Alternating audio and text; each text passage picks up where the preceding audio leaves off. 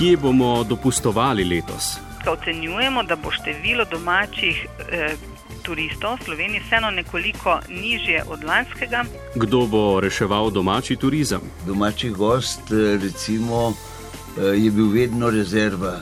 Smo se med epidemijo odvadili hoditi na lepše? Imamo občutek, da se gostje gliš pretirano ne odločajo za gostilno, ker imajo še vedno malo straha. Bodo najdražje sobe in glampingi cenejši? Dumping cen, glede na dodano vrednost, ki jo izkazujemo v tej panogi v Republiki Sloveniji, eh, bo skoraj da nemogoč. Kaj je najbolj oklestila koronavirusna kriza? Glavni davek pandemije bo absolutno kadar. Cel kup vprašanj o tem, kaj bo s turizmom v letu po izbruhu pandemije in tudi v prihodnje. Odgovore iščemo v tokratni epizodi Kronike Plus. Hvala, ker ste si prihodnje minute vzeli za njo.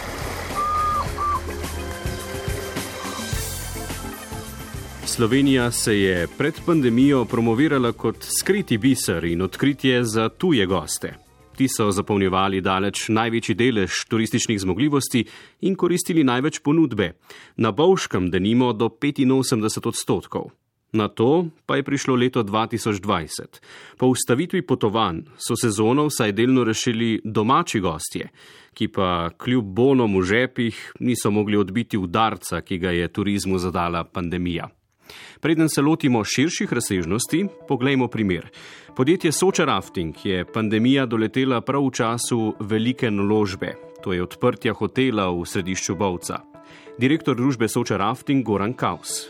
Mi smo rekel, v lanskem letu pospešeno, kljub tisti spomladanski COVID krizi, smatrali, da to je prvi, prvi in edini val, in smo pospešeno do, nekako dokončali objekt. Septembra meseca smo po pridobljenju, seveda, uporabnem dovoljenju, ga dejansko tudi odprli in bili odprti natančno en mesec, potem smo ga pa, seveda, skladno z ukrepi eh, mogli zapreti. Tako da tisto obdobje je bilo zelo težko, mi smo seveda mogli zaposliti kader in potem v končni fazi tudi dejansko stvari določene zaključiti, oziroma tudi večji del kadra odpustiti nazaj. V kratkem obdobju odprtja s povečini domačimi gosti, nekateri so pri njih unovčili tudi bone, pa so zgolj po prihodkih presegli merilo za ohranitev državne pomoči. Zdaj, žal, eh, smo potem eh, mogli vse te čakanja, ki smo jih imeli v spomladanskem času lanskega leta, vrniti, eh, seveda z razlogom, ker je naš, eh, ker naš prihodek, reko družbe, ni bil 20% manjši, kar je bil pogoj za nekako eh, to, da si bil pravičen do te pomoči. Tako da smo mogli na podlagi tega, seveda, to tudi vrniti. Potem je, seveda, država sicer nekaj spremenila. tako da konkretno bomo dobili nekih tisoč evrov nazaj, vse ostalo smo pa praktično, za spomladansko čakanje smo pa praktično mogli vrniti.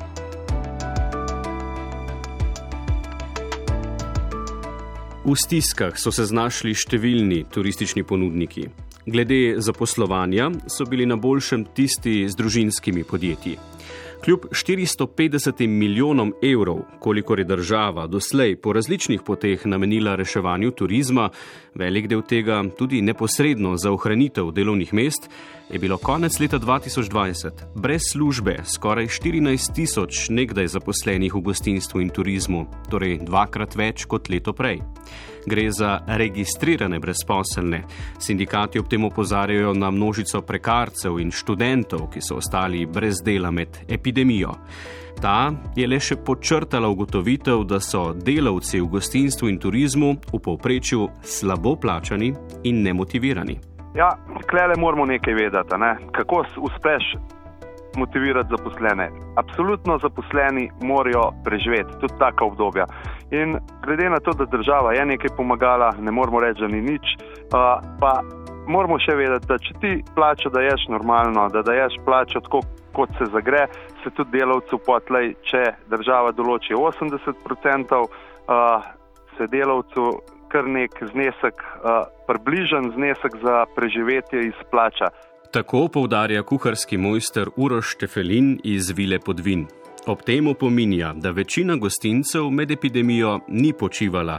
Preusmerila se je v pripravo hrane za domov, v ohranjanje dobavnih verig z lokalnimi pridelovalci in osnovanje načrtov za delovanje po sproščanju omejitev. Kljub temu. Glavni davek pandemije bo absolutno kader.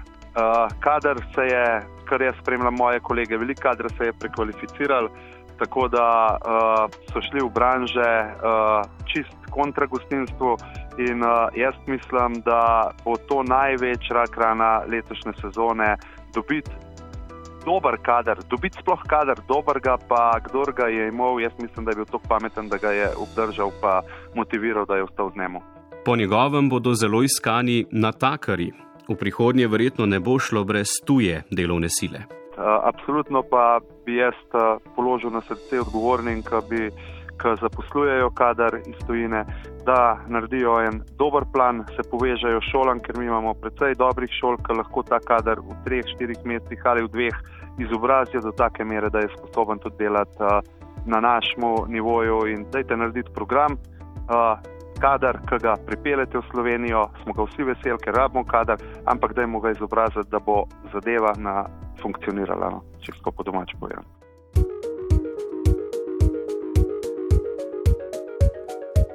Domači turizem smo lani pomagali reševati z unovčevanjem bonov, ki smo jih dobili od države. Neizkoriščena je še nekaj več kot polovica, oziroma prek 220 milijonov evrov. Boni so po eni strani spodbudili ljudi, da ob gneči izberejo manj znane kraje za oddih ali izlet. Po drugi strani pa so marsikateremu slovencu omogočili vsaj eno prestižnejšo prenočitev. V teoriji naj bi vsak gost o podarjenem bivanju zapravil nekaj dodatnih evrov. Kako pa je bilo v praksi? V zboni so šli na dopust tudi taki, ki niso nikoli bili eh, in so pojedli zajtrk, potem so šli v trgovino, pa so preživeli sendviči in tako naprej, ali pa je prišlo celo do vandalizma. Ne? Kljub nekaterim negativnim izkušnjam, predsednik Društva turističnih novinarjev Slovenije Drago Bulc, tako kot drugi naši sogovorniki, podpira namero gospodarskega ministrstva, da bi kmalo izdali nov svežen turističnih bonov, ki bi jih lahko koristili tudi pri ponudnikih, ki nimajo prenočišč, ponujajo pa naprimer športne ali kulturne dejavnosti. A ob začetku junija, na pragu poletne sezone, pristojni še hitijo usklajevati podrobnosti. Hitenje in neizoblikovano ukrepanje pa sta pravzaprav zaviralca turizma. Na to so nas konec aprila glasno upozorili večji hoteleri pri nas in povdarili, da po več mesecih zaprtja sob, jedilnic in bazenov pač ne morejo odpreti čez noč. Pogrešali so posluh države, praktično razumevanje, poleg njene finančne pomoči.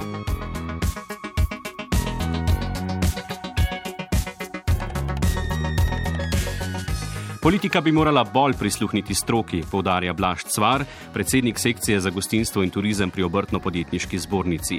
Opozarja, da še vedno niso dovolj vključeni v pripravo ukrepov.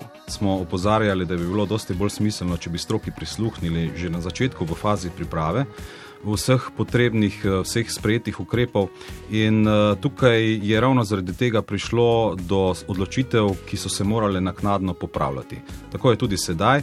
In uh, seveda pričakujemo, da bomo vendarle sprejeli ukrepe, ki bodo uh, omogočili rentabilno poslovanje gostinstva in turizma, kajti to je tisto, kar moramo dobiti, da bo ta panoga, ki je bila solidarna, ki je bila potrpežljiva, ki je nekako sprejemala vse to skozi vse čas zaprtja, celih dolgih sedem mesecev, oziroma še dva meseca v spomladanskem delu, nekateri celo uh, več kot leto niso odprli svojih vrat.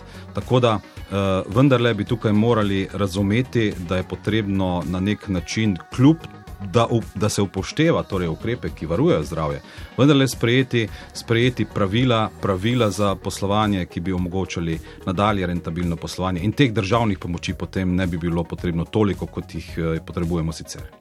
Kakšno pa bo v nadaljevanju sezone gibanje cen? Bi lahko imeli dumping ali podražitve?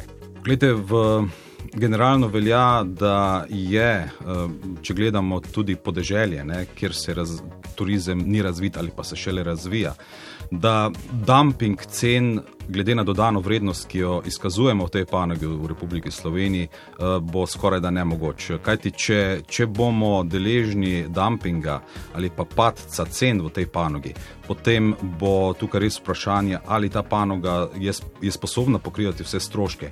Namreč stroški uh, so narasli v vsem tem času, tudi glede stroškov plač, ki bodo najbrž poskočili v naslednjih mesecih zaradi pomankanja delovne sile. Tako da dvomim, da bo tukaj prišlo do dumpinga. Tisti, ki pa se bodo za to odločili, pa bodo najbrž uh, zavestno šli v, v, v neko stanje, ki bo povzročilo uh, nerentabilno poslovanje teh podjetij. A prednost Slovenije je njena prilagodljivost, pravi Cvar.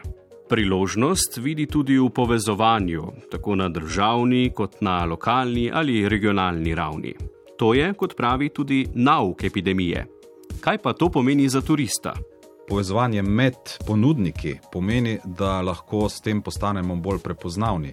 Kajti samo en ponudnik, recimo kot primer Vinska cesta, ne, Če, če tukaj imamo ponudnika dva, ta destinacija oziroma ta turistični produkt ni toliko zanimiv, kot če se jih poveže 10-15. Uh, to seveda že kar lep čas nazaj, kot primer dobre prakse, sam prihajam namreč iz območja uh, meje za sosedno Avstrijo, opažam, da se pač tam dosti prej znajo nesebiščno povezati. In tukaj smo v preteklosti vsak vlekli na svoj konec in menim, da smo tudi sedaj v tej krizi spoznali, da je sodelovanje in povezovanje uh, zelo pomemben faktor in da ga bomo morali nekako sprejeti in upoštevati, da bomo torej kot povezana celota prej prišli do bolj privlačnih destinacij.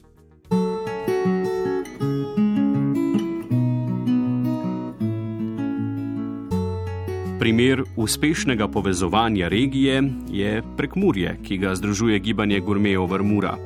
Povezovanje manjših lokalnih ponudnikov je, kot boste lahko slišali, nastalo tudi kot odgovor na delovanje velikih igralcev v lokalnem okolju. O tem se je televizijska kolegica Marjana Grčman pogovarjala s prekmursko gostinko Tanjo Pintarič iz gostilne Rajh. Si pripravljena? Ja. Uh, zakaj ste se združili v združenju Gourmet Overmura? Z Gormejo Vermuro skupino smo ustanovili najprej trije, Maro, Hodela in Rajk. Združili smo se z namenom povezovanja med nami samimi, se pravi tudi produkte, da prodajemo med, med sabo, eh, ki jih pač pripravljamo za goste, potem pa tudi zato, da eden drugemu delamo marketing na uh, raznih sejmih, promocijah. Eh, in še tretja zadeva, da tudi sam gost, ko pride v prekmorje, da si ga podajamo med sabo, da mu lažje svetujemo, kaj, kam in kako. Eh, pozneje smo pa to skupino razširili in sedaj že ne tri leta smo uh, nazaj smo povabili zraven še štiri ponudnike na drugi strani reke Mure in uspešno sodelujemo. Je združenje zaušnica velikemu termalnemu kompleksu v regiji? Ja, seveda. V deset let nazaj smo imeli male težave, kako priti v večje zdravilišče z svojim promocijskim materialom, kako se povezati, kako dobiti tudi gosta iz termalnih zdravilišč, da pridejo v, do nas, v okolico. Takrat je nastala tudi ta ideja, prav zaradi tega, da smo se združili in da smo sami pokazali, da tudi sami zmoremo. Povejte znano anegdoto, kje so končali katalogi. Katalogi, so, ki smo jih prenesli v zdravilišče, so dosti krat uh, eh, bili lepo prevzeti, ampak potem, pozneje, ko smo šli kontrolirati, uh, če jih treba dostaviti več ali pač dopolniti, so um, obležali v kotičkih, kjer so igralnice za otroke. Mogoče na svetu ostalim regijam, zakaj, zakaj se je treba povezati v želji po uspehu? Svetujem, da se res manjše ponudniki povežejo. Eden drugega naj pokličajo um, na sodelovanje, ker um, gost se ne bo uh, modil samo pri enem, ampak bo vedno obiskal več destinacij. Če bo zadovoljen, se bo mogoče na katero destinacijo še enkrat vrnil v tistem uh, delu dopusta, uh, trikrat, štirikrat pa pri enem ne bo jedel. To smo pa vsi, uh, ki potujemo, vemo, da je tako. Se je zlorabljala vaša pregovorna prekmurska gostoljubnost skozi nizke cene v preteklosti in skozi avtobusne ja. goste? Res je. Tako da potrjujem to vaše vprašanje. Um, preveč je bilo tistih avtobusarskih gostov, ki so v prekmori prišli samo kaj pogledati, uh, eno brok pojedli in to je bilo tudi vse. Ne? Ponuditi imamo marsikaj več. Povezovanje in ponudba z dodano vrednostjo bosta torej ključna za razvoj turizma pri nas, predvsem v bolj odmaknjenih krajih. Kot povdarja kuharska mojstrica Ana Roš, sta s partnerjem že pred leti ugotovila, da bo hiša Franko v Kobaridu morala biti nekaj posebnega, da bo privabljala turiste.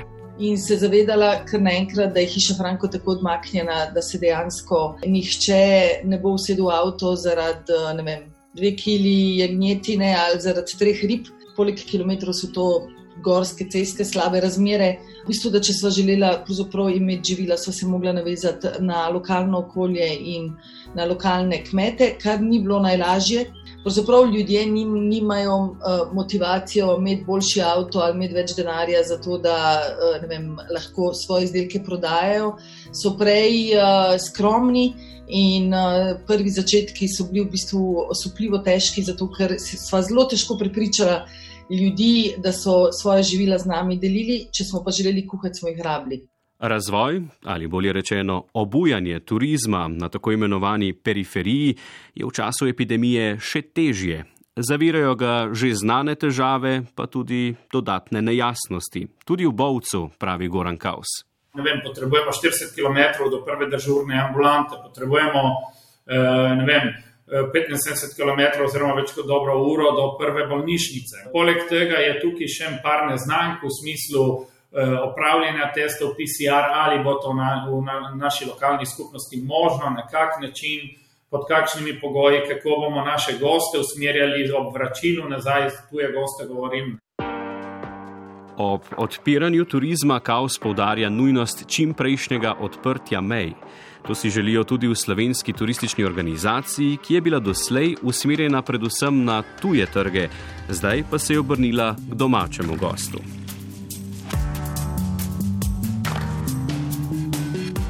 Kolegica Tina Lamovšek je pred mikrofon povabila direktorico STO Majo Pak. Tina, kako bo torej slovenska turistična organizacija letos privabila domače goste k dopustovanju v Sloveniji? Ja, na STO-ju so svoje aktivnosti, sredstva prilagodili na domači in na bližnji trg. STO in tudi strokovnjaki, turistični deležniki eh, pri potovalnih trendih napovedujejo tako imenovani regijski turizem. Potovali bomo torej v regiji, v radiju 500 km od doma, kar je.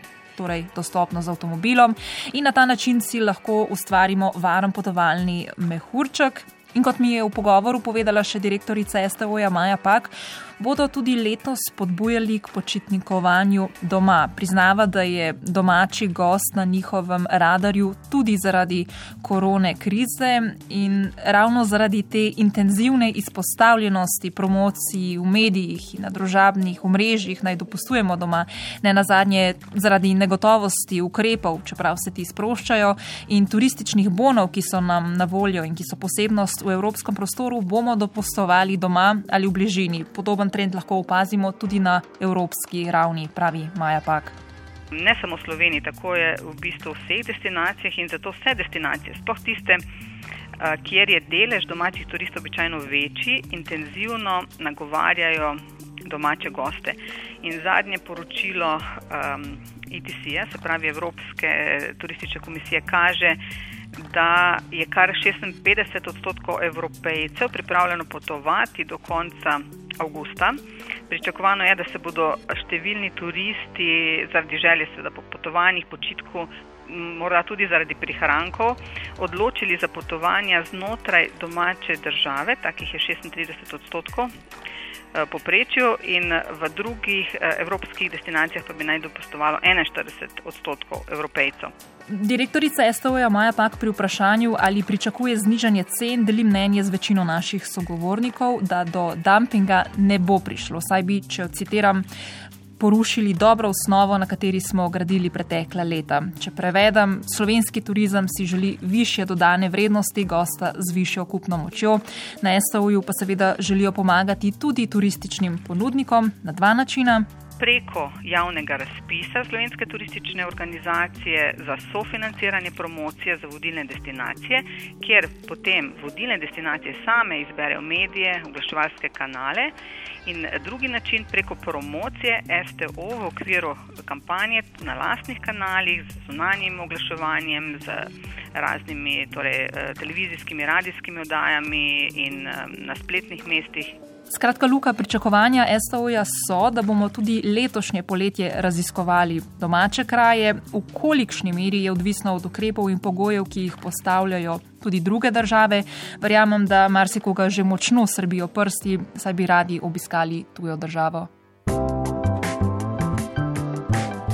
Epidemija je torej pošteno oklestila naš turizem, njegovo zmožnost zaposlovanja in ustvarjanja dodane vrednosti.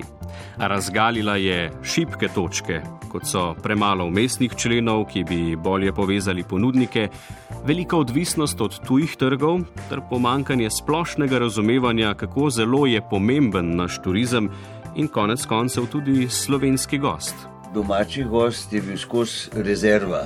Če je slaba sezona, takrat so pa pejte na naše morje, pejte v naše hribe. Uh, tako da, ampak veste, slovenski gost je zelo dober gost.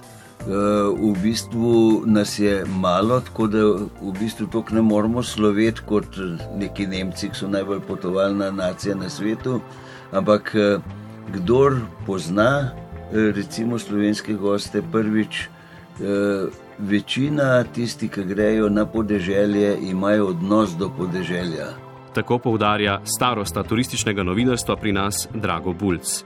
Čas epidemije je bil tudi čas za premislek, kaj neodkritega še skriva slovenski turizem. Mislim, da pri nas eh, je v bistvu dolgoročna skrita rezerva, so recimo zdravilišča. Po prekmorju pa tam je še čuda nekih vrtin, ki sploh niso izkoriščene, so zaprte. Potem en dober segment imamo, ki smo se ga organizirano lotili, to je gradna postajališč za avtodome. V Sloveniji je že okrog 7000 avtodomov, to se pravi, lani so začeli spoznavati Slovenijo in zdaj kar naenkrat so ta postajališča premehna. Množičnega turizma naša država ne zmore, zato preusmeritev v butična doživetja. Sledenje tej dolgoročni strategiji zagovarja tudi Matija Blažič, ki odpira prvi kolesarski glamping pri nas. Tudi če bi, kot sem že enkrat rekel, dobil od kolesarskega gosta kaj manj, bi ga raje vzel. Zato, ker je to naša usmeritev, ker je to, potem se diferenciramo na trgu in tudi upamo, da bomo v letu, dveh, treh, zdaj tudi s prihodom tega novega kolesarskega glampinga, ustvarili si široko bazo teh uh, kolesarjev, ne samo iz Slovenije, iz Evrope, ki te v takih krizah, kot je zdaj, ne zapustijo tako hitro, kot, se, kot te zapusti, naprimer, agencijski gost, ki ga pripelje agencija. Omenjeni tuji gostje si še vedno želijo videti, naprimer, Bled in Piran. Jih bomo uspeli preusmeriti na podeželje? Ti naši biseri turistični bodo še zmeraj aktualni. Čeprav bo gost lahko spal vem, v ribnem, pa bo šel let pogledat, pa absolutno bojo aktualni, ker tudi jaz svoje goste, ki hočejo mir, ko vse absolutno pošleš bled, blejski grad pogledat, blejski otok, tam pojesti nekaj. Ker to so stvari, s katerimi se lahko pohvalimo. Sam posledično se bo pa razvijal tudi podeželje, pa podeželski turizem, kar je pa najlepše, kar imamo. Ne? Upam, da so slovenski, recimo, eh, turistični poslovneži in vsi, ki sodelujo v turizmu, najdel neke nove izvirne rešitve. Poleg tega se mi zdi pa najbolj to, eh, kar je prinesel pozitivnega, da so Slovenci odkrili eh, svojo domovino tudi po turistični plati. Mm. In da vidijo, kaj se lahko ponudi v zadnjih letih. Moram sam reči, kot turistični novinar, da kamorkoli pridem, je nekaj novega, tako res butičnega in Slovenija naj ustane turistični butik. V aplikacijah za podkaste poiščite še druge epizode Kronike Plus. Pod tokratno pa se podpisujemo Marjana Grčman, Tina Lamovšek, Špela Bratina, tonski mojster Vjekoslav Mikes in Luka Bregar.